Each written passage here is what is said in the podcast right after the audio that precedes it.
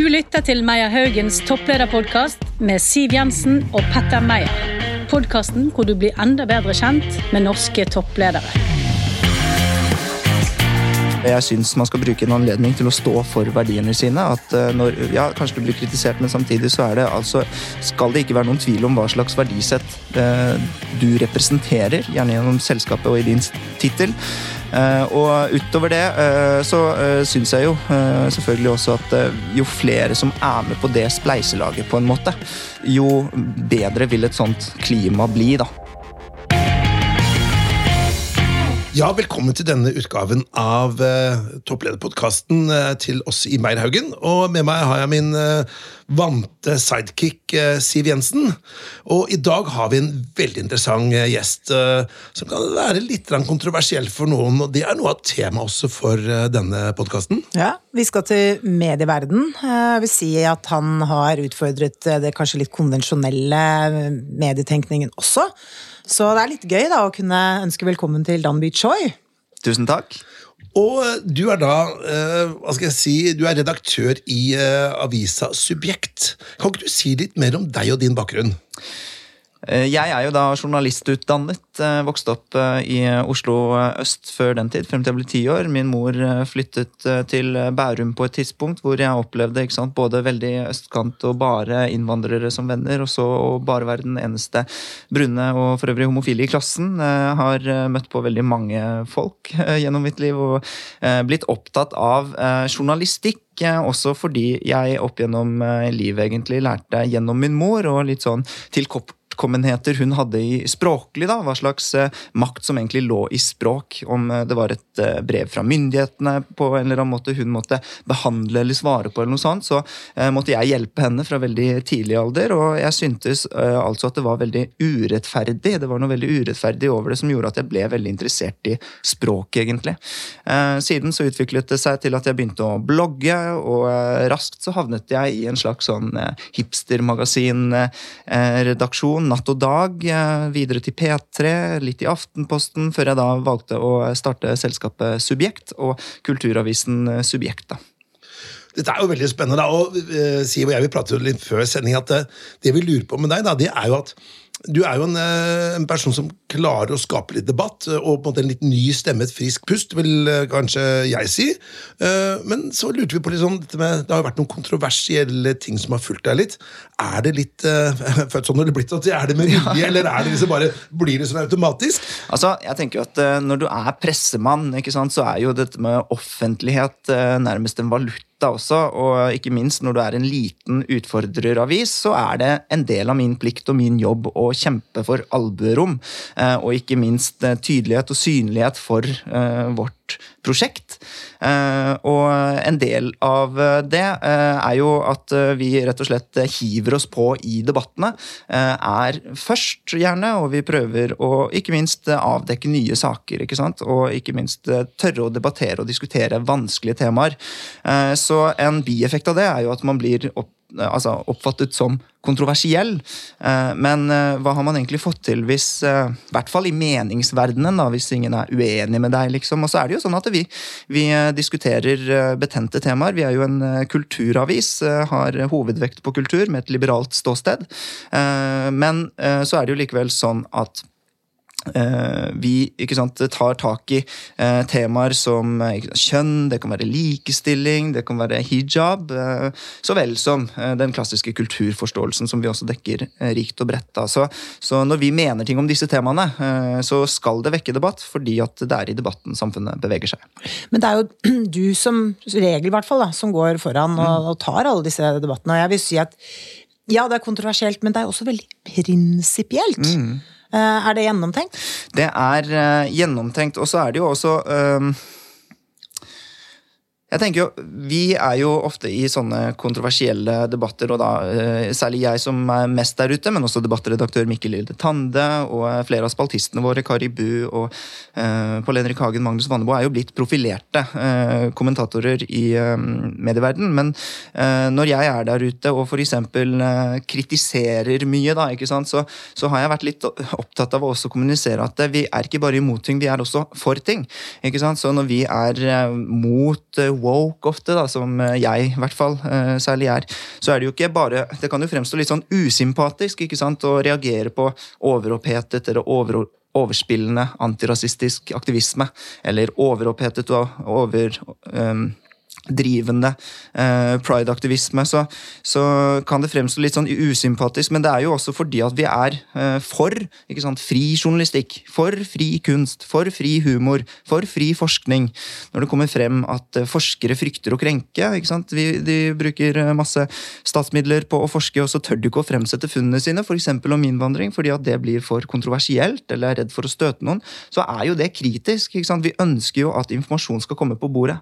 Når journalistene mine blir kalt for uh, stygge ting, eller rasister eller transfober fordi at de skriver om kjønn eller et eller annet, så, det, så har jo dette også med å gjøre, um, å gjøre med fri journalistikk. Mm.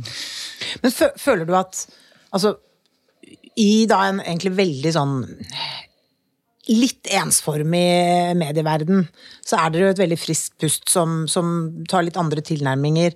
Eh, det må jo skape liksom litt mer albuerom og få folk til å liksom reflektere litt mer over ja, sine egne fordommer, kanskje? da? Ja, eh, Vi ønsker jo sant, å utfordre kulturjournalistikken. Og det er jo ingen tvil om at vi har eh, utviklet, utvidet og um, inspirert på de frontene. Altså for eksempel så ble jo kulturjournalistikken lagt ned i uh, mer eller mindre alle aviser uh, da vi uh, startet opp. og det er jo ikke fordi at de ville gi oss dette markedet, men fordi at de anså kulturjournalistikken som ulønnsom. Eh, og da må man jo innovere, rett og slett. Og vi, vi, har tenkt at eh, den har vært veldig servil, eh, kulturjournalistikken. Man har tenkt at kulturjournalister skal hjelpe kulturlivet med å blomstre på en eller annen måte. Og det gjør journalistikken helt uinteressant. Se for deg en klimajournalist som tenkte at ja, Oljenæringen har jo gitt oss fantastisk mye rikdom, kan vi ikke slutte å stille kritiske spørsmål? Det er ikke sånn man lager verken journalistikk eller engasjerende lesning. Eh, så vi har tenkt at eh, å stille kulturlivet til veggs bidrar både til lønnsom kulturjournalistikk, men også til at kulturlivet står på tå hev. Eh, og at eh, det um, har det engasjert. rett og slett? Ja, det er skjerpende. Og det er jo en nøkkelfunksjon journalistikken har. Så innenfor kulturjournalistikkfeltet har vi jo definitivt innovert sånn. Og ikke minst så har vi også utfordret en del tenkning i mediene. Og vi har jo f.eks. fokusert på en nisje og sånn, som også har vært et gode, mens de fleste faller litt mellom stolene når de skal dekke så mye. Hvor mange lesere har dere? Ja, er, Vi eh, prøver å nå eh, liksom, Kjernemålgruppen er jo kulturinteresserte, og så skal vi gjøre ikke-interesserte enda mer interessert. Men det er, mellom, det er rundt 200 000 unike i måneden. Ja. ja. Det er ganske mye, da. Ja, det er det vel. Eh, og særlig i en tid hvor mange ja, nedbemanner, legger ned, sliter med å få økonomi inn i journalistikken. Eh, men dere gjør det bra? Vi eh, må jo, Det må jo sies å ha gått veldig bra. Vi har skutt opp i rakettfart, og så merker jo vi som hele mediebransjen nå, at det, og som hele næringslivet, at det er kamp om folks lommebøker, holdt jeg på å si, og at folk har dårligere råd. Men, men vi, vi, vi, gjør det veldig bra sammenlignet med våre konkurrenter konkurrenter. Eh, på alle de siste målingene så er Subjekt altså Norges raskest voksende avis. og Da er det veldig viktig nå som vi har snakket mye om meg, å si at det, det, er jo, min jobb er jo å være ansiktet utad og være med i disse podkastene og sånn, men de som virkelig eh, står på hver eneste dag for å lage Subjekt, er da mine ni fantastiske kollegaer. Men du har jo fått noen uh, ganske heftige nominasjoner, da. Ja. Uh, årets nyskaper, årets medienavn, årets uh, meningsbærer. Altså, det er jo litt heftig. Ja, jeg syns det er uh, utrolig gøy og, uh, med disse nominasjonene. Og uh, det inspirerer og motiverer selvfølgelig til det videre. Fordi når man er i disse stormene, som jeg også har lyst til å si som et slags råd eller tips til alle andre som står i stormer, så er det jo Man hører jo stort sett det motsatte. Du hører jo mest fra dine meningsfiender, eller meningsmotstandere. Eh, du hører mest at det du sier er feil, du hører mest at det du sier er ikke sant, ulovlig å si, nærmest. Eh, så slike eh, nominasjoner, de motiverer. Men du, Jeg har jo stått i en annen storm selv i min, min fortid som politiker, så jeg vet jo litt om det. Men da har jeg lyst til å spørre deg, fordi når du, du aktivt um, står i storm egentlig hele tiden, tar opp kontroversielle temaer. Hvordan, hvordan um, avreagerer du? For, å, for det, det, det, det, koster jo litt innimellom. Ja, det gjør det. Og så får man får jo litt tykk hud etter hvert. Eh, som er en sånn naturlig eh, evolusjon vi mennesker gjør mens vi lever, heldigvis. Eh, og så er det også det, dette med at hvis du ikke gjør det for personlig også, jeg, som jeg også gir som råd til unge som eh, opplever at debatten blir så um, har. At det, ja, men Hvis innlegget ditt handler om deg, hvis det handler om hudfargen din, hvis du har et personlig utgangspunkt, hvis du bruker debattinnlegget til å snakke om din mor, så ikke begynn der. Da blir det personlig ofte. Eh, snakk sak. Og når vi også i Subjekt, så prøver vi hele tiden ved hver eneste minste sånn avsporing og hele tiden rette oss inn mot å være saklige. Da. Så det er, det er noe vi mennesker også Jeg tror ikke sant, selv eh, de største eh, menneskene eh, som viser opp til historiske skikkelser og sånn, de, de, også med en gang de ble sultne, så, så, ble de personlige. Og med en gang de ble sant, lei seg, så var det noe annet. og det, alt, Tyngdekraften leder mot det, men sant, at man prøver å hele tiden holde seg til sak, mener jeg er et godt tips for folk som står i stormene. da. Jeg er enig i det, men allikevel. Uh, uh, altså Er det bare sånn du føyser det bort, eller må du ta en hard treningsøkt, eller altså... altså uh, For å være ærlig, så er, er nok jeg litt sånn dårligere enn at jeg sier at jeg skal være på de tingene. Altså, jeg, jeg, tar ting plutselig personlig, og så er det også sånn jeg får sånn Den minste lille kommentar på Twitter kan få meg til å falle av stolen liksom, ved å, å slutte å være så prinsipiell som jeg ønsker. da, Jeg svarer den, liksom. Mm. Og, og det, er, det, tror jeg mm, jeg er litt dårligere på enn andre.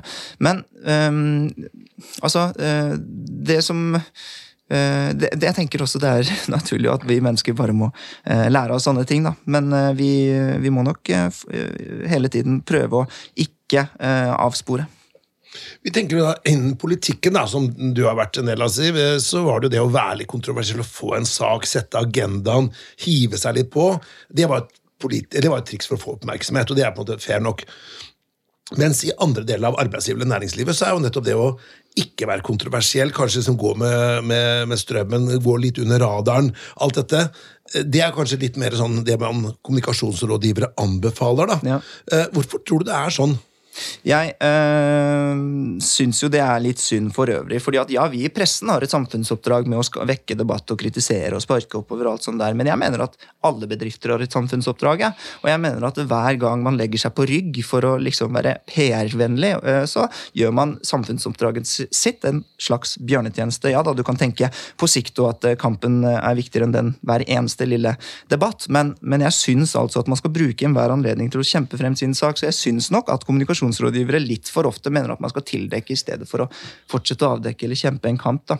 Eh, og at alle som jobber i en bedrift, står for et sett med verdier, og dette verdisettet burde man bruke enhver anledning til å kjempe for. Altså, jeg prater jo med mye næringslivsledere, da, eh, og mange av de river seg litt i håret når de ser ofte diskusjoner eh, i, i media. Det kan være alt formuesskatt eller offentlige søkelister, eller det kan være egentlig alle typer saker. Og så sier, får de jo av og til en henvendelse om å da bli med i debatten, men de sier nesten alltid nei. Men det er etter at de har vært med én gang. Mm. Og da, altså, Hvis du er leder i, i, en stor offentlig organisasjon eller en, en, en børsnotert uh, selskap, og så mener du noe om det og blir lokka på glattista en journalist. da. Mm. Og så kommer resten av Presse-Norge og hiver seg på og skal ta deg. Mm. Og så får du da sikkert noen hyggelige kommentarer, men du får mest pes. Mm. Jeg sier aldri igjen. Ja, ja, ja. Så jeg tenker sånn, det, Hvordan skal vi få bukt med det greiene der? da? For de ønsker jo ikke å være kontroversielle. De ønsker bare belyse hvordan det føles for dem. Ja.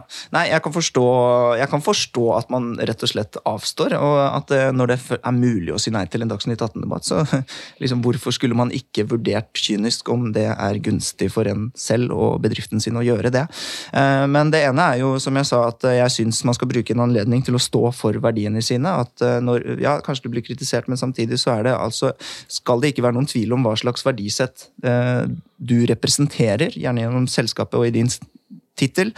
Eh, og utover det eh, så syns jeg jo selvfølgelig også at jo flere som er med på det spleiselaget, på en måte, jo bedre vil et sånt klima bli. da, Hvor vi ikke, sant, ikke har et samfunn hvor regelen er at toppledere ikke stiller, men at regelen er at man faktisk stiller. Mm. Ja, for det kan jeg godt tenke meg. Siv, hva tenker du fra din erfaring? Eh, Du ville kanskje hatt noen våpendragere når dere skulle fremme en sak, og prøvde kanskje å få med næringsliv for eh, litt på, på si eget lag? Ja, selvfølgelig. Men, eh, men det er jo erfaringsmessig sånn at eh, store deler av norsk næringsliv de skygger banen. Eh, De vil ikke ut i kontroversielle temaer eller debatter, for de mener at det kanskje ikke er bra for eh, selskapet og verdiene. Og? For de, de skal styre unna det, og så skal de eh, drive med business. Og så får politikerne ta seg av kontroversene. Så det er mulig å forstå det. Men på den annen side, eh, veldig mange av disse næringslivslederne har jo mye på hjertet når de møter deg eh, uten mikrofoner og kameraer. Men de tør bare ikke å, å gjenta de standpunktene i det offentlige rom, fordi de orker ikke å bli skytterskive. Et hederlig unntak er jo Petter Stordalen i Strawberry. Han er en person som ikke er redd for å øh, søke litt oppmerksomhet i forhold til om det er pride eller om det er øh, andre ting som både han mener som den derre free, freedom for all. da. Så øh, han er vel et hederlig unntak, i hvert fall som jeg kommer på. da, sånn Jo, men det finnes mange unntak, for all del. Og, men det er mulig å forstå det òg. Ja, Altså, ja. For eksempel debatten om formuesskatt, som mange mener veldig mye om. Men det er veldig få næringslivsledere som har lyst til å kaste seg ut i den debatten, rett og slett. Man anses som grisk og litt kynisk med Ja. en gang man forbindes med det.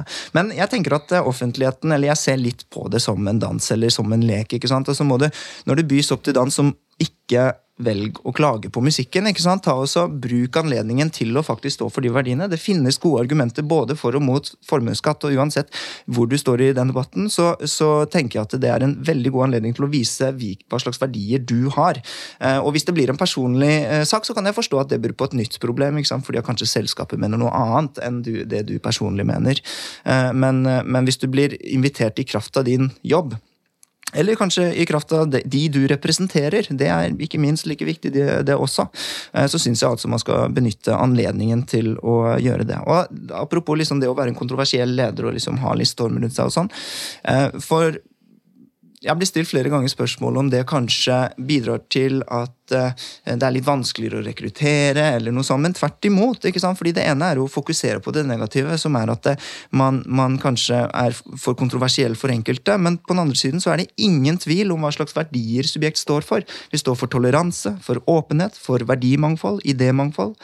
Eh, Og da er det altså sånn at man rister av seg nærmest alle andre ikke, som ikke står for slike verdier. Hos oss så skal du tåle at folk mener ulike ting. Du skal tåle et eh, liberalt grunnsyn på kunst og kultur og på ytringsfrihet. Og da får vi også en gjeng som ikke nødvendigvis er helt enige med hverandre om alt, men som forstår hva verdisettet i selskapet er. Så det er på en måte god rekruttering også. Altså, jeg synes jo Det er interessant å, å prate om dette. her, for Alternativet er jo at man får det sånn som det er i dag. og det at Hvis man som næringslivsleder skal påvirke noe, så bruker man jo lobbyvirksomhet og byråer som jobber i det skjulte, og kanskje til og med har en litt skjult agenda. Men å få det opp i dagen kunne jo vært eh, hvor man da har en egen eh, diskusjon. Da. Det kunne jo vært eh, bra. Absolutt. Men hvis vi skal gå til dette med lederskap igjen, da. Du er jo da toppleder i Subjekt. Det er jo kanskje ikke den største organisasjonen vi har intervjuet her, men prinsippet blir jo mye av det samme.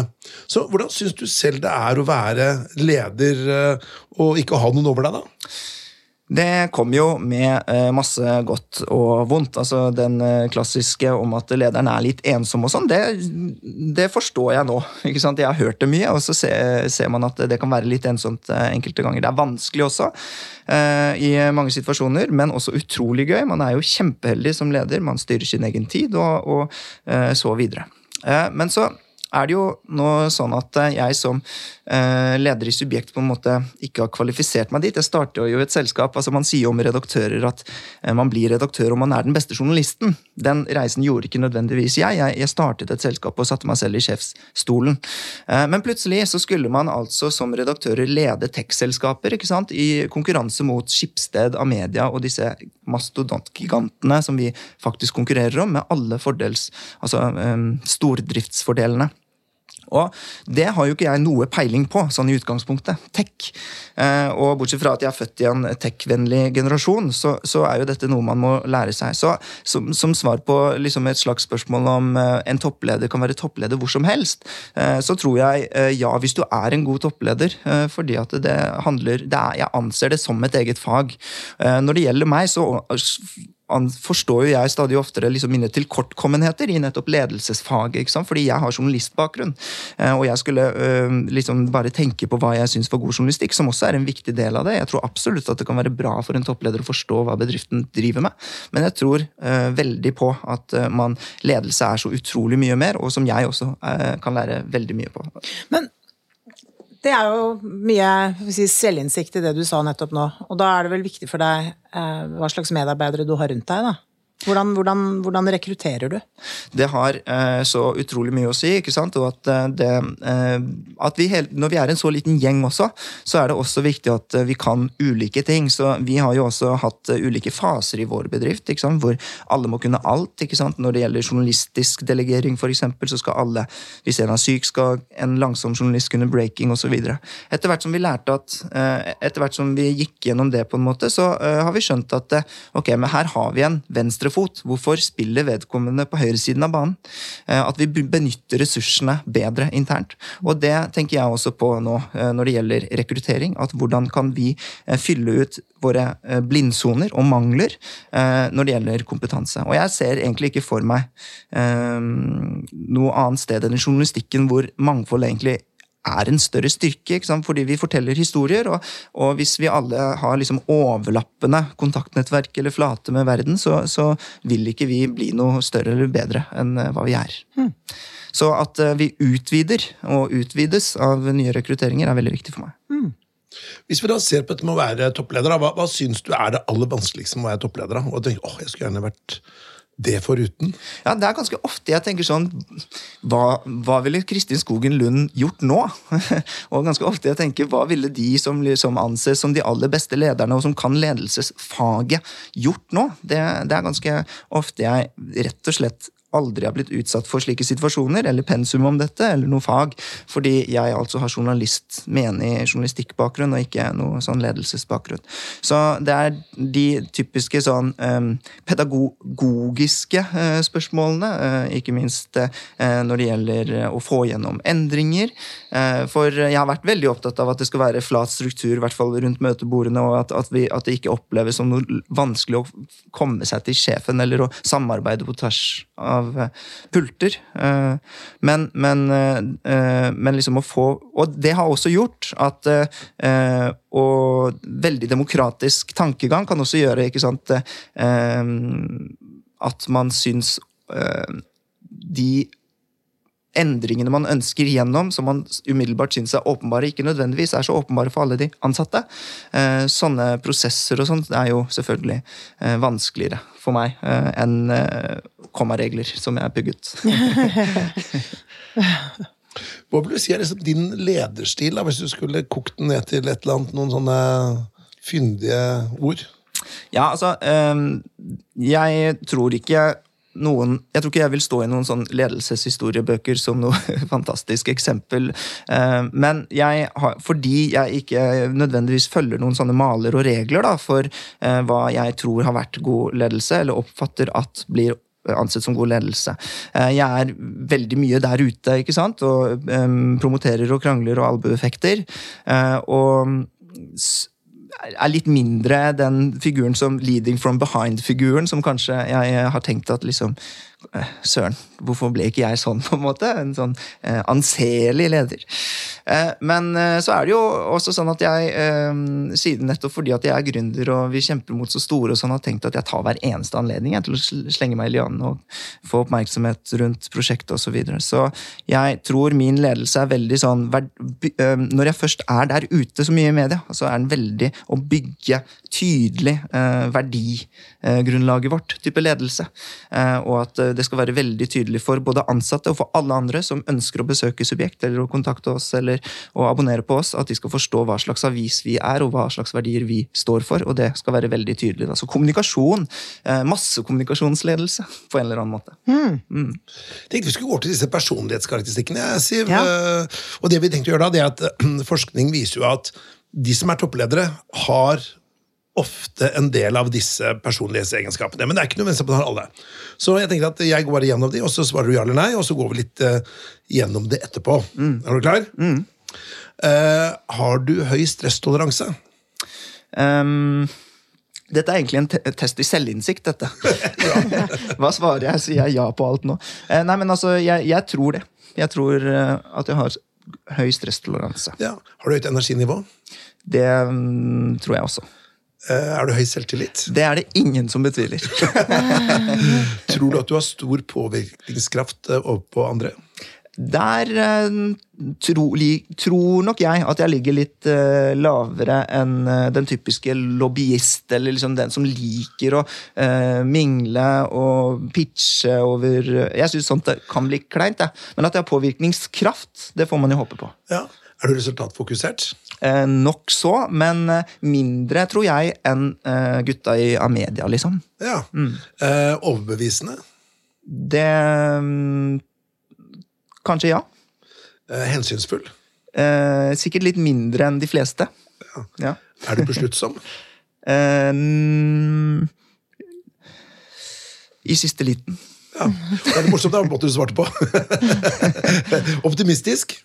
Eh, sånn passe. Ja.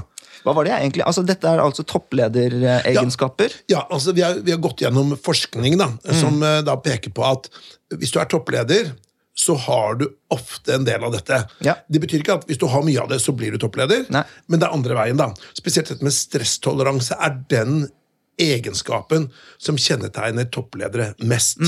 At de kan liksom med huet først inn i ting, og så børster du av støv av jakka, så går du videre. Depressiv har, er ganske stresstolerant. Det Ja. tror jeg på. Toppolitikere er ofte det. Toppledere Ja, For det er tøft, ikke sant? Ja, ja.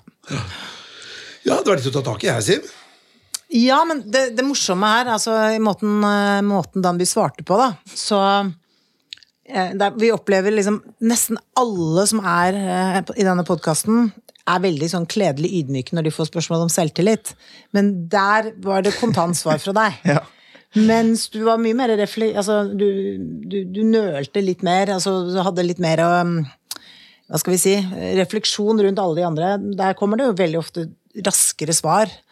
Men eh, jeg vil jo si at du har eh, Du har nok mange av eh, disse egenskapene, men iblandet kanskje litt uerfarenhet, eller noe sånt? Ja. Er det Det er det jo altså masse av, i hvert fall i forhold til mine sammenlignbare. Så, men jeg tenker på det der med mm, dette med å være eh, Dette med påvirkningskraft, som vi pratet litt om, da. Det som ligger litt i teorien der, det er at man tror at hvis man gjør jobben bra, så kan man endre verden eller endre bedrifter eller endre noe. da. Man har ofte et mål som er utenfor seg selv. da. Eh, kjenner du deg igjen i det? Uh, ja, det er jo eh, det man ikke sant, forsøker å bygge. Ja. Uh, så absolutt. For det er liksom, det er ofte Hvis, man ser på det, analyser i forhold til dette med disse uh, gasellekåringene til DN, da, så intervjuer man jo da ofte gründere folk som har fått det til. Og det er det veldig få som starter en bedrift for at de skal selv tjene penger. Det er som regel at de skal få større frihet, og at de skal liksom gjøre noe, løse et problem. da. Og Det er interessant i forhold til debatten rundt dette med, med skattenivå og, og, og arbeidsgivere generelt. Det er at ofte så er det ikke noen sånn egoistiske personer som skal grave til seg. De skal skape. da. Det er jo det som ofte er drivkraften. Men hva er liksom visjonen for uh, subjekt, da? Visjonen for subjekt, eh, altså helt sånn eh, formelt, er jo selvfølgelig å bygge en eh, trygg og god og voksende arbeidsplass. Og mm, jeg svarer det kjedelige, fordi at når det gjelder hva slags verdier vi står for, og sånn, så er det ganske eh, viden kommunisert og eh, så videre. Jeg er jo også en veldig sånn verdibasert eh, eh, jeg kan finne på å velge det som kanskje umiddelbart ikke er kommersielt lurt, eh, for å både være prinsipiell i sak, men også fordi at jeg tror på eh, ting. ikke sant? Så jeg bygger et selskap som ikke er bygget for å bli solgt, f.eks. Når vi gjør store endringer nå, så går, bytter ikke vi eh, publiseringssystem som det alle konsernene i Norge bruker. Vi bygger videre på noe vi har bygget selv, fordi jeg ønsker at det skal være slik. Eh, og mm, Så vi baserer oss veldig på eh, en, å lage en avis som har sjel og egenart. Altså 81% av de norske mediene er eid av konsern. Eh, de tre største eier 71% av avisopplaget i Norge. Eh, jeg mener det kan bli et demokratisk problem. Så min jobb er jo ikke bare å kjempe for subjekt, men også de frittstående enkeltmedienes viktige funksjon og plassering i samfunnet. Og ikke minst at samtidig som man gjør det, som er litt visjonært og ønskelig, og til og med kanskje har vært utopisk for mange av de som har prøvd og falt, så skal man da bygge en bedrift som er robust, og som er en trygg arbeidsplass for de som jobber der, og som vokser. Mm. Hva vil være neste steg for deg, da? Det er kanskje litt dumt å si på lufta her, men du har vært da, er det ti år dere har holdt på, eller snart elleve år, i, ja. i Subjekt. Ja. Uh, blir du lei noen gang? At du tenker ah, nå skal jeg, jeg har lyst til å prøve noe annet? Bruke litt andre muskler? Nei, jeg syns altså det å være redaktør er så skikkelig gøy. Fordi altså, man kan også hoppe av og sant, delegere litt til underredaktører hvis det er mye eh, debatt. Så kan jeg også når som helst gjøre mer av Adendir-delen i selskapet. Jeg kan også eh, fungere som en slags utviklingsredaktør. Så det er veldig eh, Det eh, gir meg i tanken at eh, ingen annen jobb er bedre eller morsommere. Og så hvis jeg skulle gått til en annen avis, så ville jeg fått en eh, leder over meg og liksom, som gjør meg litt mindre altså Jeg vet ikke om jeg kunne fått en bedre arbeidssituasjon sånn personlig. Utover det så syns jeg også at pressen er skikkelig skikkelig gøy. Fordi den har både eh, tech-aspektet, og at det er masse innovasjon og nyvinning hele tiden, og at det er media. At det er masse kommunikasjon. Og det passer en personlighetsprofil som meg, da, altså. Hva hadde vært et drømmeskupe for deg gjort? da? Du tenker åh, tenk jeg hadde liksom avdekket dette. Er det at noen må gå, eller at du har funnet noe bra? eller Hva Hva kunne være drømmesaken på forsiden av Subjekt? Ja, altså Det er det jo altså Det finnes jo noen faste svar. liksom, eh, Hvis du spør i Presse-Norge, så er jo liksom det å få en statsråd til å måtte gå, er jo selvfølgelig en eh, en suksess. Men eh, jeg tenker nok eh, oftere på de eh, langsiktige og større tingene, kjenner jeg nå, enn hva nyhetsredaktør gjør, som sikkert kunne gitt deg en tittel her og nå. Men, men, eh, selvfølgelig så skal vi eh, ha, ha vi som mål å eh, være først på de viktigste kultursakene. Men Scoop-prisen står Er det viktig for deg? Ehm, sikte mot den? Vi, uh, I praksis så har det ikke vært det. Vi har jo, ikke, vi har aldri søkt om å bli uh, nominert heller. Så, uh, men, men, selvfølgelig, så å bli anerkjent for gravejournalistikken, som vi også satser på nå, fra og med nå fremover, vi har ikke gjort det før, det er selvfølgelig et eget mål. Så hvis man finner ut at Siv Jensen starter nytt politisk parti, det hadde vært en artig sak på forsida. Ja, det kan vi ta, et eksklusivt intervju der. Det kan vi ta når vi skrur av mikken her nå. Hva tenker du om det, Siv? Bidrar du på den? Det kommer jo ikke til å skje. Så um, jeg er ferdig med den delen av livet. Det er en tittel, det òg. Avlyse ja, ryktene. Ja, ikke sant? Det er også en tittel. Det er sant. Men du, Jeg tenkte vi skulle gå inn for landing her. Ja. Siv, hva tenker du? Fikk vi svar på det vi lurte på om det å kanskje søke litt kontroverser som toppleder? Jeg syns uh, vi har fått uh, egentlig veldig godt kjent med, med Dambi Choi gjennom denne halvtimen. Uh, og jeg syns kanskje det, det, beste, da, som jeg tror han er opptatt av selv òg, det er jo liksom Nettopp fordi vi er i et demokrati, så må vi gjøre det vi kan for å ta vare på det. Og da er meningsmangfold utrolig viktig. Det finnes mange steder i verden hvor det å si det man mener, er forbundet med stor fare. I dette landet så skal du kunne si akkurat det du mener, og være en del av samfunnsdebatten. Og det at det kommer nye medier til, nå er jo ikke Subjekt så nye lenger, men likevel, det skal vi klappe for, uansett om vi liker det som står i Subjekt eller ikke liker det som står der. Det er helt uinteressant. Det er at det er mangfold, gjør at samfunnet vårt, eller at demokratiet vårt, blir eh, er, fortsetter å være robust. Amen. Amen. Og så er det en liten shout-out til alle dere næringslivsledere som hører på podkasten tør litt mer, kanskje stikke huet litt mer fram. Det bidrar til et bedre samfunn. Og igjen, tusen hjertelig takk for at du stilte opp, Danby. Takk for meg. Du har lyttet til rekrutteringsselskapet Meyer Haugens topplederpodkast. Vi produserer også Rekrutteringsrådet og stillingspodkaster. Har du forslag til gjester eller temaer vi bør snakke om, gå inn på vår Facebook-side Meyer Haugen.